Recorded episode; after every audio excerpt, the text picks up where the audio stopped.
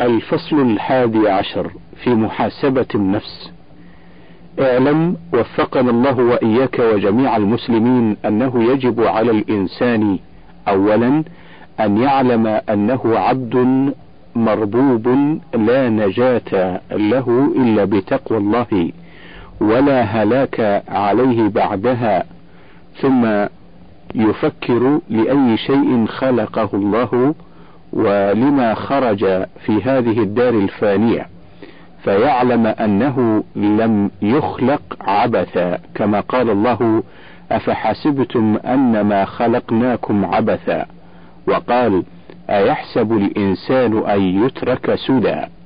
وإنما وضع في هذه الدار للبلوى والاختبار. هل يطيع ربه فينتقل إلى دار نعيم أبدي سرمدي؟ أو يعصي ربه فينتقل إلى عذاب الأبد إلى جهنم وبئس المهاد. إذا فهم ذلك علم أنه لا نجاة له إلا بطاعة ربه وأن الدليل على طاعة الله العلم ثم العمل بأمره ونهيه في مواضعه وعلله وأسبابه. ولن يجد ذلك إلا في كتاب الله وسنة رسوله صلى الله عليه وسلم لأن الطاعة سبيل النجاة والعلم هو الدليل على السبيل لأن الطاعة سبيل النجاة ولأن العلم هو الدليل على على السبيل. قال الله تعالى فاعلم أنه لا إله إلا الله واستغفر لذنبك.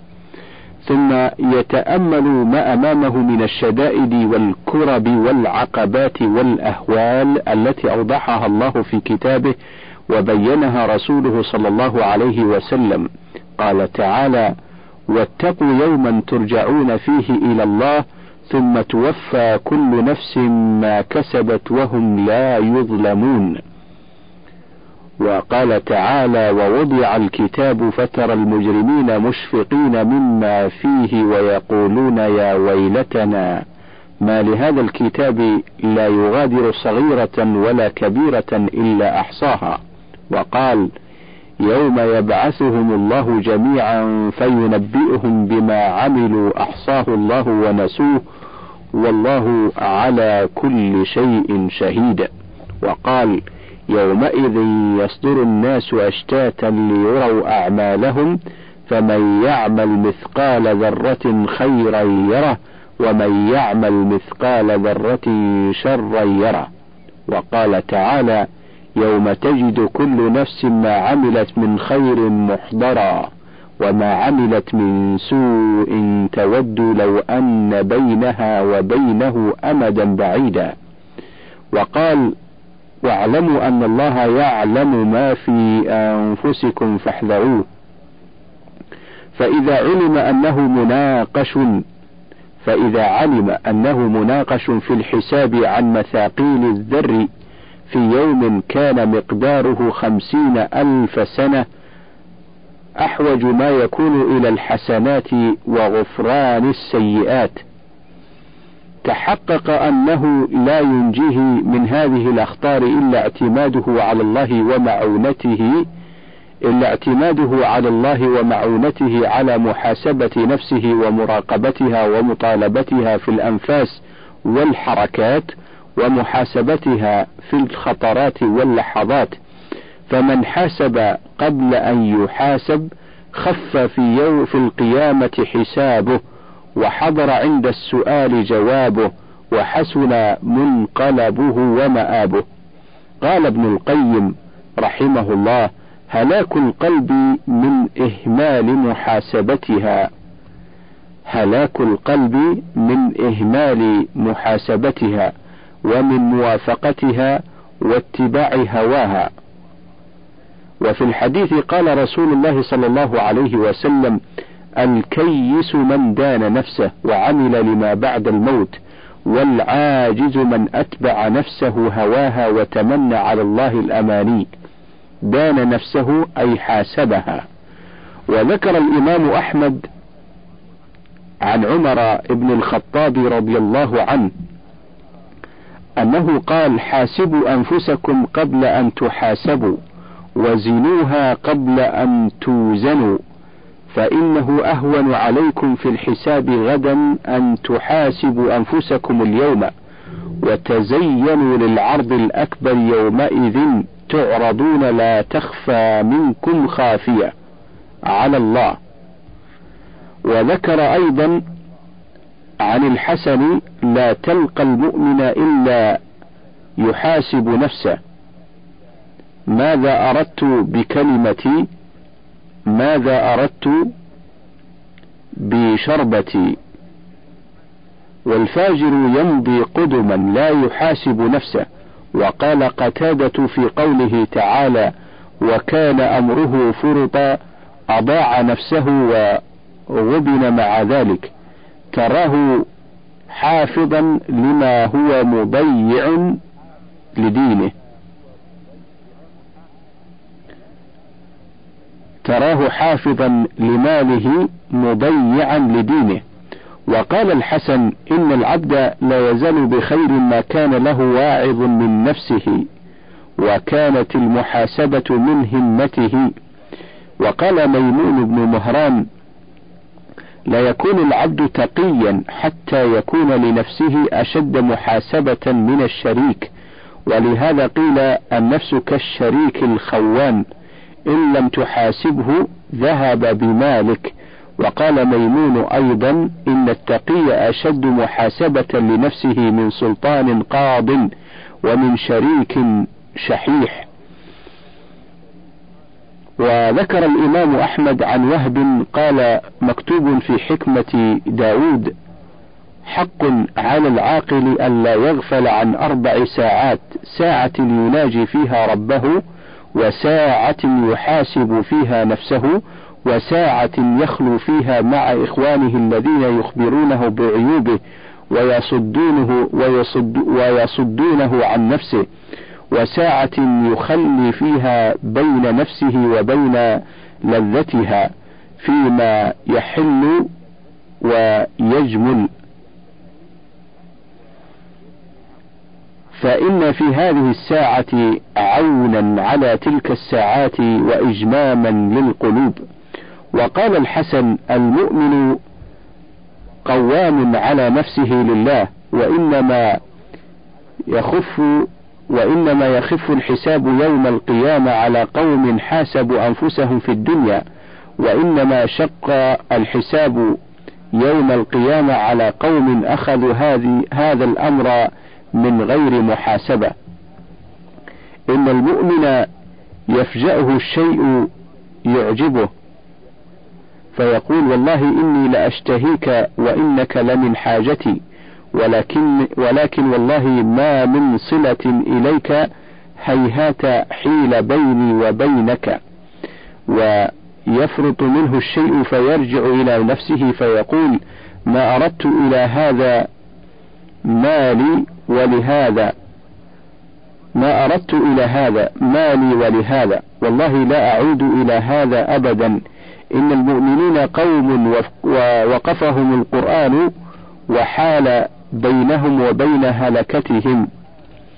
إن المؤمن أسير في الدنيا يسعى في فكاك رقته لا يأمن شيئا حتى يلقى الله ليعلم أنه مأخوذ عليه في سمعه وفي بصره وفي لسانه وفي جوارحه. قال ابن القيم رحمه الله على قول صاحب المنازل المحاسبة لها ثلاثة أركان. أحدها أن تقايس بين نعمته وجنايتك يعني تقايس بين ما من الله بين ما من الله وما منك فحينئذ يظهر لك التفاوت وتعلم أنه ليس إلا عفوه ورحمته أو الهلاك والعطب. وبهذه المقايسة تعلم أن الرب رب والعبد عبد ويتبين لك حقيقة النفس وصفاتها وعظمة جلال الربوبية.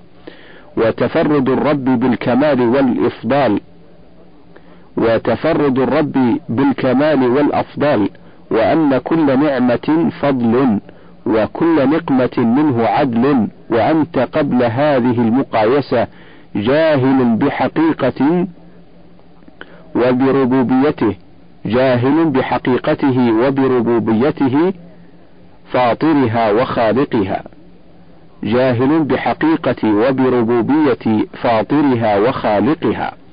فإذا قايست ظهر لك أنه منبع كل شيء كل آه، منبع كل شر وأساس كل نقص وأن حدها الجاهلة وإن وأن حدها الجاهلة الظالمة. وأنه لولا فضل الله ورحمته بتزكيته لها ما زكت أبدا ولولا هداه ما اهتدت ولولا إرشاده وتوفيقه لما كان لها وصول إلى خير إلى خير البتة وأن حصول ذلك لها من بارئها وفاطرها.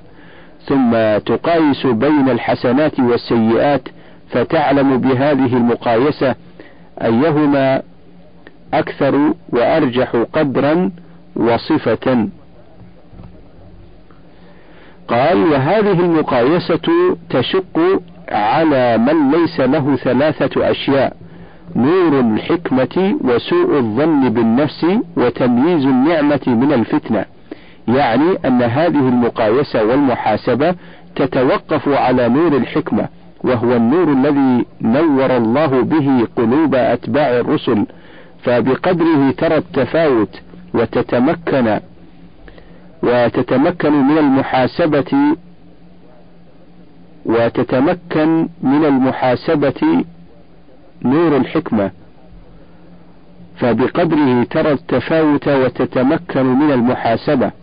نور الحكمة ها هنا هو العلم الذي يميز به العبد بين الحق والباطل والهدى والضلال والضار والنافع والكامل والناقص والخير والشر. ويبصر به مراتب الأعمال راجحها ومرجوحها ومقبولها ومردودها كلما كان حظه من هذا النور أقوى كان حظه من المحاسبة أكمل وأتم. أما سوء الظن بالنفس فإنما احتاج إليه لأنه حسن لأن حسن الظن بالنفس يمنع من كمال التفتيش ويلبس عليه فيرى المساوئ محاسن والعيوب كمالا ولا يسيء الظن بنفسه إلا ولا يسيء الظن بنفسه إلا من عرفها ومن أحسن ظنه بنفسه فهو من أجهل الناس بنفسه. وأما تمييز النعمة من الفتنة فليف... فليفرق, فلي... فليفرق بين النعمة التي يرى بها الإحسان واللطف ويعانى بها على تحصيل سعادته الأبدية وبين النعمة التي يرى بها الاستدراج فكم من مستدرج بالنعم وهو لا يدري مفتون بثناء الجهال عليه مغرور بقضاء الله. فكم من مستدرج بالنعم وهو لا يدري مفتون بثناء الجهال عليه مغرور بقضاء الله حوائجه وستره عليه. وأكثر الناس عندهم أن هذه الثلاثة علامة السعادة والنجاح. ذلك مبلغهم من العلم وقد مثلت النفس مع صاحبها في المال. وكما أنه لا يتم مقصود الشركة من الربح إلا بالمشارطة على ما يفعل الشريك أولا ثم بمطالعة ما يعمل والإشراف عليه ومراقبته ثانيا. ثم بمحاسبته ثالثا ثم بمنعه من الخيانة إن اطلع عليها رابعا. فكذلك النفس يشارطها أولا على حفظ الجوارح السبعة التي حفظها هو رأس المال والربح بعد ذلك فمن ليس له رأس مال كيف يطمع في الربح؟ وهذه الجوارح السبعة هي العين والأذن والفم واللسان والفرج واليد والرجل. هي مركب هي مركب العطب والنجاة. هي مركب العطب والنجاة. فمنها عطب ومن عطب بإهمالها وعدم حفظها ونجا من نجا بحفظها ومراعاتها فحفظها أساس كل خير. وإهمالها أساس كل شر وإهمالها أساس كل شر. قال الله تعالى قل المؤمنين يغضوا من أبصارهم ويحفظوا فروجهم ذلك أزكى لهم. وقال تعالى إن السمع والبصر والفؤاد كل أولئك كان عنه مسؤولا. فإذا شارطها على حفظ هذه الجوارح وانتقل منها إلى مطالعتها والإشراف عليها ومراقبتها فلا يهملها فإنه إن أهملها لحظة وقعت في الخيانة ولا بد وقعت في الخيانة ولا بد فإن تمادى على الإهمال تمادت في الخيانة حتى يذهب رأس المال كله فمتى أحس بالخسران وتيقنه استدرك منها ما يستدركه الشريك من شريكه من الرجوع عليه بما مضى والقيام بالحفظ والمراقبة في المستقبل ولا مطمع له في فسخ هذه الشركة مع هذا الخائن فليجتهد في مراقبته ومحاسبته وليحذر من إهماله ويعينه على هذه المراقبة والمحاسبة معرفته أنه كلما اجتهد فيها اليوم استراح منها غدا إذا صار الحساب إلى غيره وكلما أهملها اليوم اشتد عليه الحساب غدا. ويعينه عليها أيضا معرفته أن ربح هذه التجارة سكن الفردوس والنظر إلى وجه الرب وخسارتها دخول النار والحجاب عن الرب. دخول النار والحجاب عن الرب فإذا تيقن هذا هان عليه الحساب اليوم. فحق على الحازم المؤمن بالله واليوم الآخر ألا يغفل ألا يغفل عن محاسبة نفسه والتضييق عليها في حركاتها وسكناتها وخطواتها. فكل نفس من أنفاس العمر جوهرة نفيسة لا خطر لها يمكن أن آه، يشتري بها كنزا من الكنوز لا يتناهى نعيمه أبد الآباد. فإضاعة هذه الأنفاس أو مشترى صاحبها بها ما يجلب هلاكه خسران عظيم لا يسمح بمثله إلا أجهل الناس وأحمقهم وأقلهم عقلا.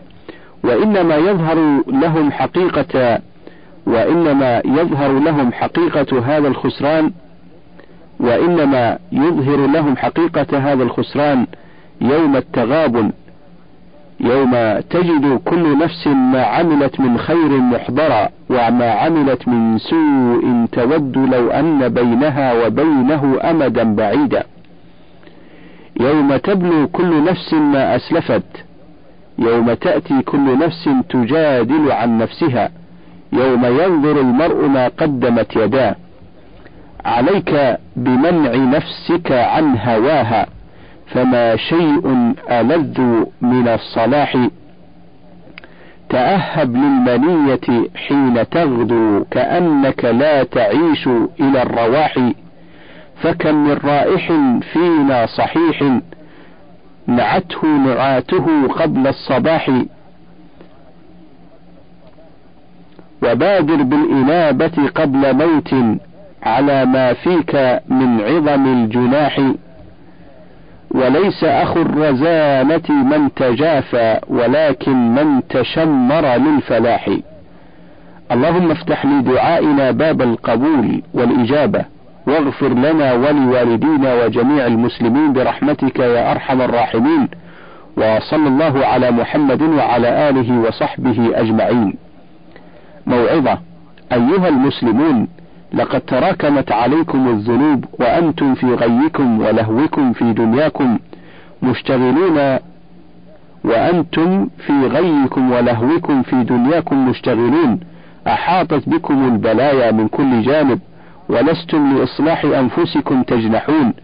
كلما أوضح لكم الواعظ طريق الهداية تعاميتم فلا أنتم بالكروب معتبرون ولا من البلايا منزجرون. أما سمعتم قول الله جل وعلا سنستدرجهم من حيث لا يعلمون وأملي لهم إن كيدي متين. وقوله تعالى ذرهم يأكلوا ويتمتعوا ويلههم الأمل فسوف يعلمون. وقال أيحسبون أنما نمدهم به أيحسبون أنما نمدهم به من مال وبنين نسارع لهم في الخيرات بل لا يشعرون. وقوله تعالى فلما نسوا ما ذكروا به فتحنا عليهم فلما نسوا ما ذكروا به فتحنا عليهم أبواب كل شيء حتى إذا فرحوا بما أوتوا أخذناهم بغتة فإذا هم مبلسون. أيها المسلم انظر في نفسك هل تجدها عاملة بمقتضى الدين؟ هل أتيت بالصلاة على الوجه الأكمل واجتنبت المعاصي المنافية للدين؟ هل أديت الزكاة كاملة مكملة بيقين؟ فتش هل تجد فيها حياء من الله بيقين؟ هل أنت سالم من الكذب والخيانة والاحتيال؟ هل سالم من الرياء في أقوالك وأعمالك؟ هل أنت سالم من الربا في معاملاتك؟ هل أنت سالم من المداهنة والنفاق؟ هل أنت سالم من الغيبة والنميمة والبهت واللعن وسوء وسيء المقالات؟ هل أنت سالم من الغش في بيعك وشرائك وسائر تصرفاتك؟ هل أنت صائل لسانك عن ما يضرك من الأقوال والأعمال؟ هل أنت سالم من الكبر والإعجاب وقطيعة الرحم والعقوق؟ هل أنت سالم من أذية الجار؟ هل قلبك لين رحوم ترحم المسكين وتكرم اليتيم؟ هل أنت تقضي حقوق الناس بدون مطال ولجاج؟ هل أنت تحب في الله وتبغض في الله هل أنت سالم من حلق اللحية أو صبغها أو الدخان؟ هل أنت سالم من الخنافس والتواليت ونحو ذلك من الأخلاق السافلات؟ هل بيتك خال من صور ذات الأرواح؟ وهل هو خال من المذياع والتلفزيون والسينمات؟ وهل أنت سالم من بيع هذه المحرمات؟ هل قمت على أولادك للصلاة والتوجيه إلى الأعمال الصالحة والأخلاق الحميدة فعليك أن تتفقد لنفسك بدقة كل يوم وأن تعالج ما بك من هذه الأمراض المهلكات فإنها أشد ضررا وفتكا من أمراض البدن التي لا نصبر عليها إن لم نجد لها علاجا ذهبنا إلى الخارج رجاء برئها والله أعلم. فصل قال ومحاسبة النفس نوعان. أما الأول فيقف عند أول همته وإرادته ولا يبادر بالعمل حتى يتبين له رجحانه على تركه. قال الحسن رحم الله عبدا وقف عند همه فإن كان لله مضى وإن كان لغيره تأخر. النوع الثاني محاسبة بعد العمل وهو ثلاثة أنواع. أحدها محاسبتها على طاعة قصرت فيها من حق الله فلم توقعها على الوجه الذي ينبغي. وحق الله في الطاعات بمراعاة ستة أمور وهي الإخلاص في العمل والنصيحة لله فيه ومتابعة الرسول صلى الله عليه وسلم فيه وشهوده مشهد الإحسان فيه. وشهوده مشهد الإحسان فيه وشهود منة الله عليه فيه وشهود تقصيره فيه. بعد ذلك كله فيحاسب نفسه هل وفى هذه المقامات حقها وهل أتى بها في هذه الطاعات؟ الثاني أن يحاسب نفسه على عمل كان تركه خيرا له. أن يحاسب نفسه على عمل كان تركه خيرا له من فعله.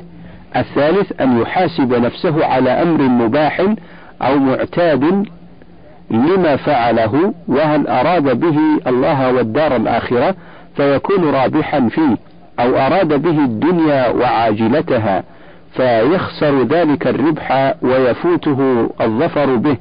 قال وجماع ذلك أن يحاسب نفسه أولا على الفرائض فإذا تذكر فيها نقصا تداركه إما بقضاء أو إصلاح ثم يحاسب على المناهي فإن عرف أنه ارتكب منها شيئا تداركه بالتوبة والاستغفار والحسنات الماحية ثم يحاسب نفسه على الغفلة فإن كان قد غفل عما خلق له تداركه بالذكر والإقبال على الله.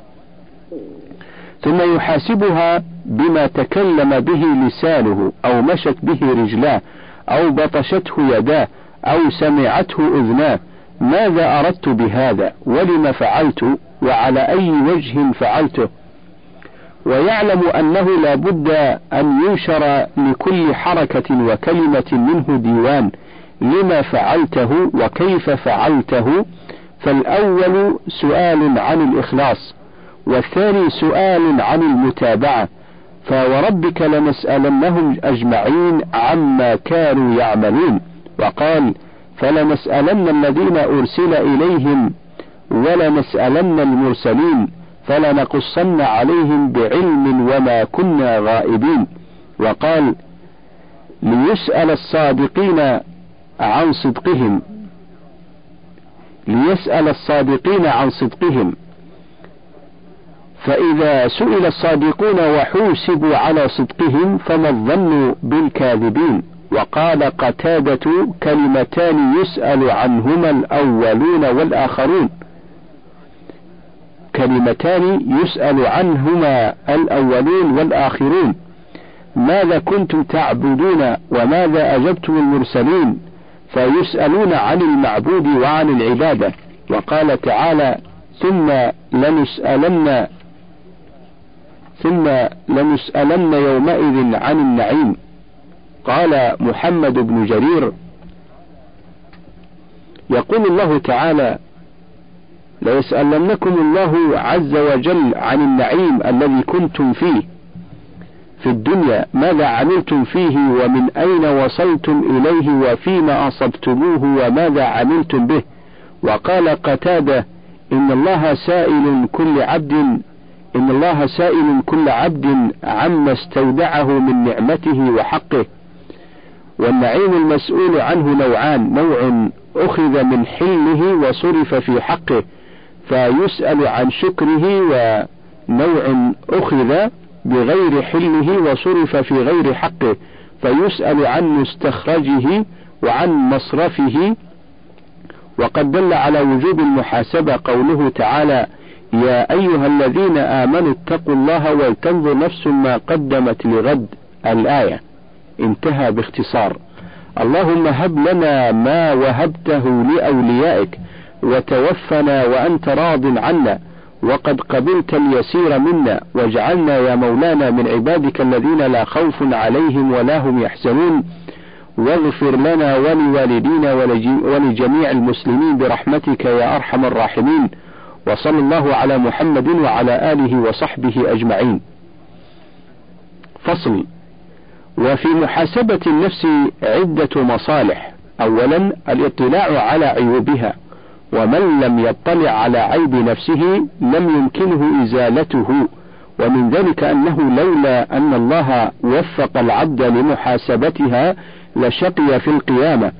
ومن ذلك أن المحاسبة للنفس من الكياسة ومن ذلك أن المحاسبة للنفس من الكياسة ومن ذلك استراحة المحاسب من التعب الطويل يوم القيامة. ومن ذلك أنه لا يتحسر المحاسب في يوم القيامة كالذين لم يحاسبوا أنفسهم ومن ذلك تمرين النفس على العبادة ومن ذلك أن المحاسبة تضعف الأعمال السيئة وتوقفها ومن ذلك أنها تحض الإنسان على الأعمال الصالحة ومن ذلك أنها تخلص أو تخلص النفس من العجب ورؤية العمل ومن ذلك أن المحاسبة تفتح للإنسان باب الذل والانكسار والخضوع لله ومن ذلك أنها تدعو الإنسان إلى أن ينظر في حق الله عليه. ومن ذلك أنها توجب للإنسان أن يمقت نفسه ويعلم أن النجاة لا تحصل إلا بعفو الله ورحمته. وإذا تأملت حال أكثر الناس وجدتهم بضد ذلك ينظرون في حقهم على الله ولا ينظرون في حق الله عليهم. ومن هنا انقطعوا عن الله وحجبت قلوبهم عن معرفته ومحبته والشوق إلى لقائه والتنعيم بذكره. وهذا غاية جهل الإنسان بربه وبنفسه. فمحاسبة النفس هي نظر العبد في حق الله عليه أولا ثم نظر ثم نظره هل قام به كما ينبغي ثانيا. وينبغي للإنسان أنه إذا حاسب نفسه فرآها قد فارقت معصية أن يتوب توبة نصوحة ويتبع السيئة بالحسنات التي تمحوها. فقد ورد عن النبي صلى الله عليه وسلم أنه قال وأتبع السيئة الحسنة تمحها وإن توانى عن بعض الفضائل أو فاتته نسيانا فينبغي أن يستدرك جبر ما نقص بالنوافل. فقد ورد عن عمر بن الخطاب رضي الله عنه حين فاتته صلاة العصر في جماعة أنه تصدق بأرض كانت له قيمتها مئة ألف درهم. وروي عنه أنه شغله أمر من عن المغرب حتى طلع نجمان فلما صلاها أعتق رقبتين وفاتت ابن وفاتت ابن أبي ربيعة ركعتا الفجر فأعتق رقبة. وورد أن ابن عمر كان إذا فاتته صلاة في جماعة أحيا تلك الليلة وكان بعضهم يجعل على نفسه صوم سنة أو الحج ماشيا أو التصدق بالشيء الكثير كل ذلك مؤاخذة كل ذلك مؤاخذة لها بما فيه نجاتها. والله أعلم وصلى الله على محمد وآله وصحبه وسلم. موعظة. روي عن علي بن أبي طالب أنه قال لا تكن ممن يرجو الآخرة بغير عمل. ويؤخر التوبة لطول الأمل ويقول في الدنيا بقول الزاهدين ويعمل فيها عمل الراغبين إن أعطي من الدنيا لم يشبع وإن منع منها لم يقنع. ويأمر الناس بما لا يأتيه يحب الصالحين ولا يعمل أعمالهم ويبغض المسيئين وهو منهم. يكره الموت لكثرة ذنوبه ويقيم على ما يكره له الموت. إن سقم ظل نادما وإن صح أمن لاهيا. يعجب من نفسه. إذا عوفي ويقنط إذا تغلبه إذا تغلبه نفسه على ما يظن ولا يغلبها على ما يستقيم. ولا يثق من الرزق بما ضمن له. ولا يعمل من العمل بما فرض عليه. إن استغنى بطر وإن افتقر قنط وحزن فهو من الذنب في حال النعمة والمحنة. موقر. يطلب الزيادة. ولا يشكر. ويتكلف من الناس ما لا يؤمر. ويضيع الموت. ولا يبادر الفوت يستكبر من معصية غيره ما يسهل أكثره من نفسه. مزاهر مزاهر اللهو مع الأغنياء أحب إليه أو مزامر اللهو مع الأغنياء أحب إليه من الذكر مع الفقراء يحكم على غيره لنفسه ولا يحكم عليها لغيره. شعرا تجهزي بجهاز تبلغين به. يا نفس قبل الردى لم تخلقي عبثا. وسابقي بغتة الآجال وانكمشي. قبل اللزام فلا ملجأ ولا غوث. فلا ملجأ فلا ملجأ ولا غوث. وسابقي بغتة الآجال وانكمشي قبل اللزام فلا ملجأ ولا غوث ولا تكدي لمن يبقى وتفتقري إن الردى وارث الباقي وما ورث واخشي حوادث صرف الدهر في مهل. واخشي حوادث صرف الدهر في مهل واستيقظي لا تكوني كالذي بحث عن مدية كان فيها قطع مدته فوافت فوافت الحرث محروثا كما حرث. من كان حين تصيب الشمس جبهته أو الغبار يخاف الشين والشعث ويألف الظل كي تبقى بشاشته فسوف يسكن يوما راغما جدثا. في قعر موحشة غبراء مقفرة يطيل تحت الثرى في جوفها اللبثا. وقال آخر ونفسك فازجرها عن الغي والخنا ولا تتبعها فهي أس المفاسد. وحاذر هواها ما استطعت فإنه يصد عن الطاعات غير المجاهد. وإن جهاد وإن جهاد النفس حتم على الفتى. وإن التقى حقا لخير لخير المقاصد. فإن رمت أن تحظى بنيل سعادة وتعطى مقام السالكين الأماجد فبادر بتقوى الله واسلك سبيلها ولا تتبع غي الرجيم المعاند وإياك دنيا لا يدوم نعيمها وإنك صاح لست فيها بخالد. تمسك بشرع الله والزم كتابه. وبالعلم فاعمل. تحوي كل المحامد. تمسك بشرع الله والزم كتابه. وبالعلم فاعمل تحوي كل المحامد. اللهم أمن علينا. اللهم أمن على أمن علينا بإصلاح عيوبنا. واجعل التقوى زادنا وفي دينك. اجتهادنا وعليك توكلنا واعتمادنا. واغفر لنا ولوالدينا ولجميع المسلمين الأحياء منهم والميتين برحمتك يا أرحم الراحمين وصلى الله على محمد وعلى آله وصحبه أجمعين. الفصل الثالث عشر في موعظة جميلة.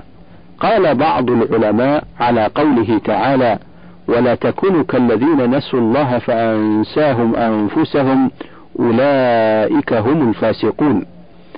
كشفت لنا هذه الآية الشريفة عن سنة من سنن الله تعالى وهي أن من غفل عن تذكر الله فنسيه وألهته دنياه عن العمل للدار الآخرة أنساه الله نفسه التي بين جنبيه فلا يسعى لما فيه نفعها ولا يأخذ في أسباب سعادتها وإصلاحها وما يكملها ولا السعي في إزالة عللها وأمراضها التي تؤول بها إلى الفساد والدمار والهلاك وهذا من أعظم العقوبة للعامة والخاصة. فأي عقوبة أعظم من عقوبة من أهمل نفسه وضيعها ونسي مصالحها وداءها ودواءها وأسباب سعادتها وصلاحها وحياتها الأبدية في النعيم المقيم. ومن تأمل هذا الموضع تبين له أن أكثر هذا الخلق قد نسوا أنفسهم وضيعوها وأضاعوها حظها وأضاعوا حظها من الله وباعوها رخيصة بثمن بخس بيع المغبون ويظهر ذلك عند الموت ويتجلى ذلك يوم التغابن يوم لا ينفع نفسا إيمانها لم تكن آمنت من قبل أو كسبت في إيمانها خيرا إنها لحسرة على كل ذي غفلة دونها كل حسرة. دونها كل حسرة هؤلاء. هم الذين إنها لحسرة على كل ذي غفلة دونها كل حسرة. هؤلاء هم الذين اشتروا الضلالة بالهدى فما ربحت تجارتهم وما كانوا مهتدين. وأما الرابحون فهم الذين أنار الله قلوبهم للحق فعرفوا الدنيا وقيمتها وقالوا ما مقدار هذه الدنيا من أولها إلى آخرها حتى نبيع حظنا من الله تعالى والدار الآخرة بها. فكيف بما ينال العبد منها في هذا الزمن القصير الذي هو في الحقيقة الذي هو في الحقيقة كغفوة حلم لا نسبة له إلى دار القرار البتة. قال الله تعالى يوم يحشرهم كأن لم يلبثوا إلا ساعة من نهار يتعارفون بينهم وقال كأنهم يوم يرونها لم يلبثوا إلا عشية أو ضحاها. هؤلاء هم الكيسون الذين علموا حقيقة الدنيا كما علموا قلة لبثهم فيها وأن لهم دارا غير هذه وأن لهم دارا غير هذه الدار. دار الحيوان ودار البقاء اتجروا تجارة الأكياس ولم يغتروا بتجارة السفهاء من الناس فظهر لهم يوم التغابن ربح تجارتهم ومقدار ما اشتروا. قال الله تعالى يا أيها الذين آمنوا هل أدلكم على تجارة تنجيكم من عذاب أليم؟ تؤمنون بالله ورسوله وتجاهدون في سبيل الله بأموالكم وأنفسكم ذلكم خير لكم إن كنتم تعلمون. وفي هذا المعنى يقول عمر رضي الله عنه إنما الدنيا أمل مخترم أي منتقض أي منتقض وبلاغ إلى دار غيرها وسير إلى الموت ليس فيه تعريج. فرحم الله امرأ أفكر في أمره ونصح لنفسه. وراقب ربه واستقال ذنبه وتاب إلى ربه إلى أن قال إياكم والبطنة فإنها مكسلة عن الصلاة. إياكم والبطنة فإنها مكسلة عن الصلاة ومفسدة للجسم. فإنها مكسلة عن الصلاة ومفسدة للجسم ومؤدية للسقم. وعليكم بالقصد في, قو في قوتكم فهو أبعد عن السرف وأصح للبدن وأقوى على العبادة. إن العبد لم يهلك حتى يؤثر شهوته على دينه. ومن العجب العجاب أن العبد يسعى بنفسه في هوان نفسه وهو يزعم أنها لها وهو يزعم أنها لها مكرم وهو يزعم أنه لها مكرم ويجتهد في حرمانها من حظوظها وشرفها وهو يزعم أنه يسعى في حفظها ويبذل جهده في تحقيرها وتصغيرها وتدنيسها وهو يزعم أنه يسعى في صلاحها وكان بعض السلف يقول في في خطبته ألا رب مهين لنفسه وهو يزعم أنه مكرم لها ومذل لنفسه وهو يزعم أنه مراع لحقها وكفى بالمرء جهلا أن يكون مع عدوه لنفسه يبلغ منها بفعله ما لا يبلغه منها عدوه.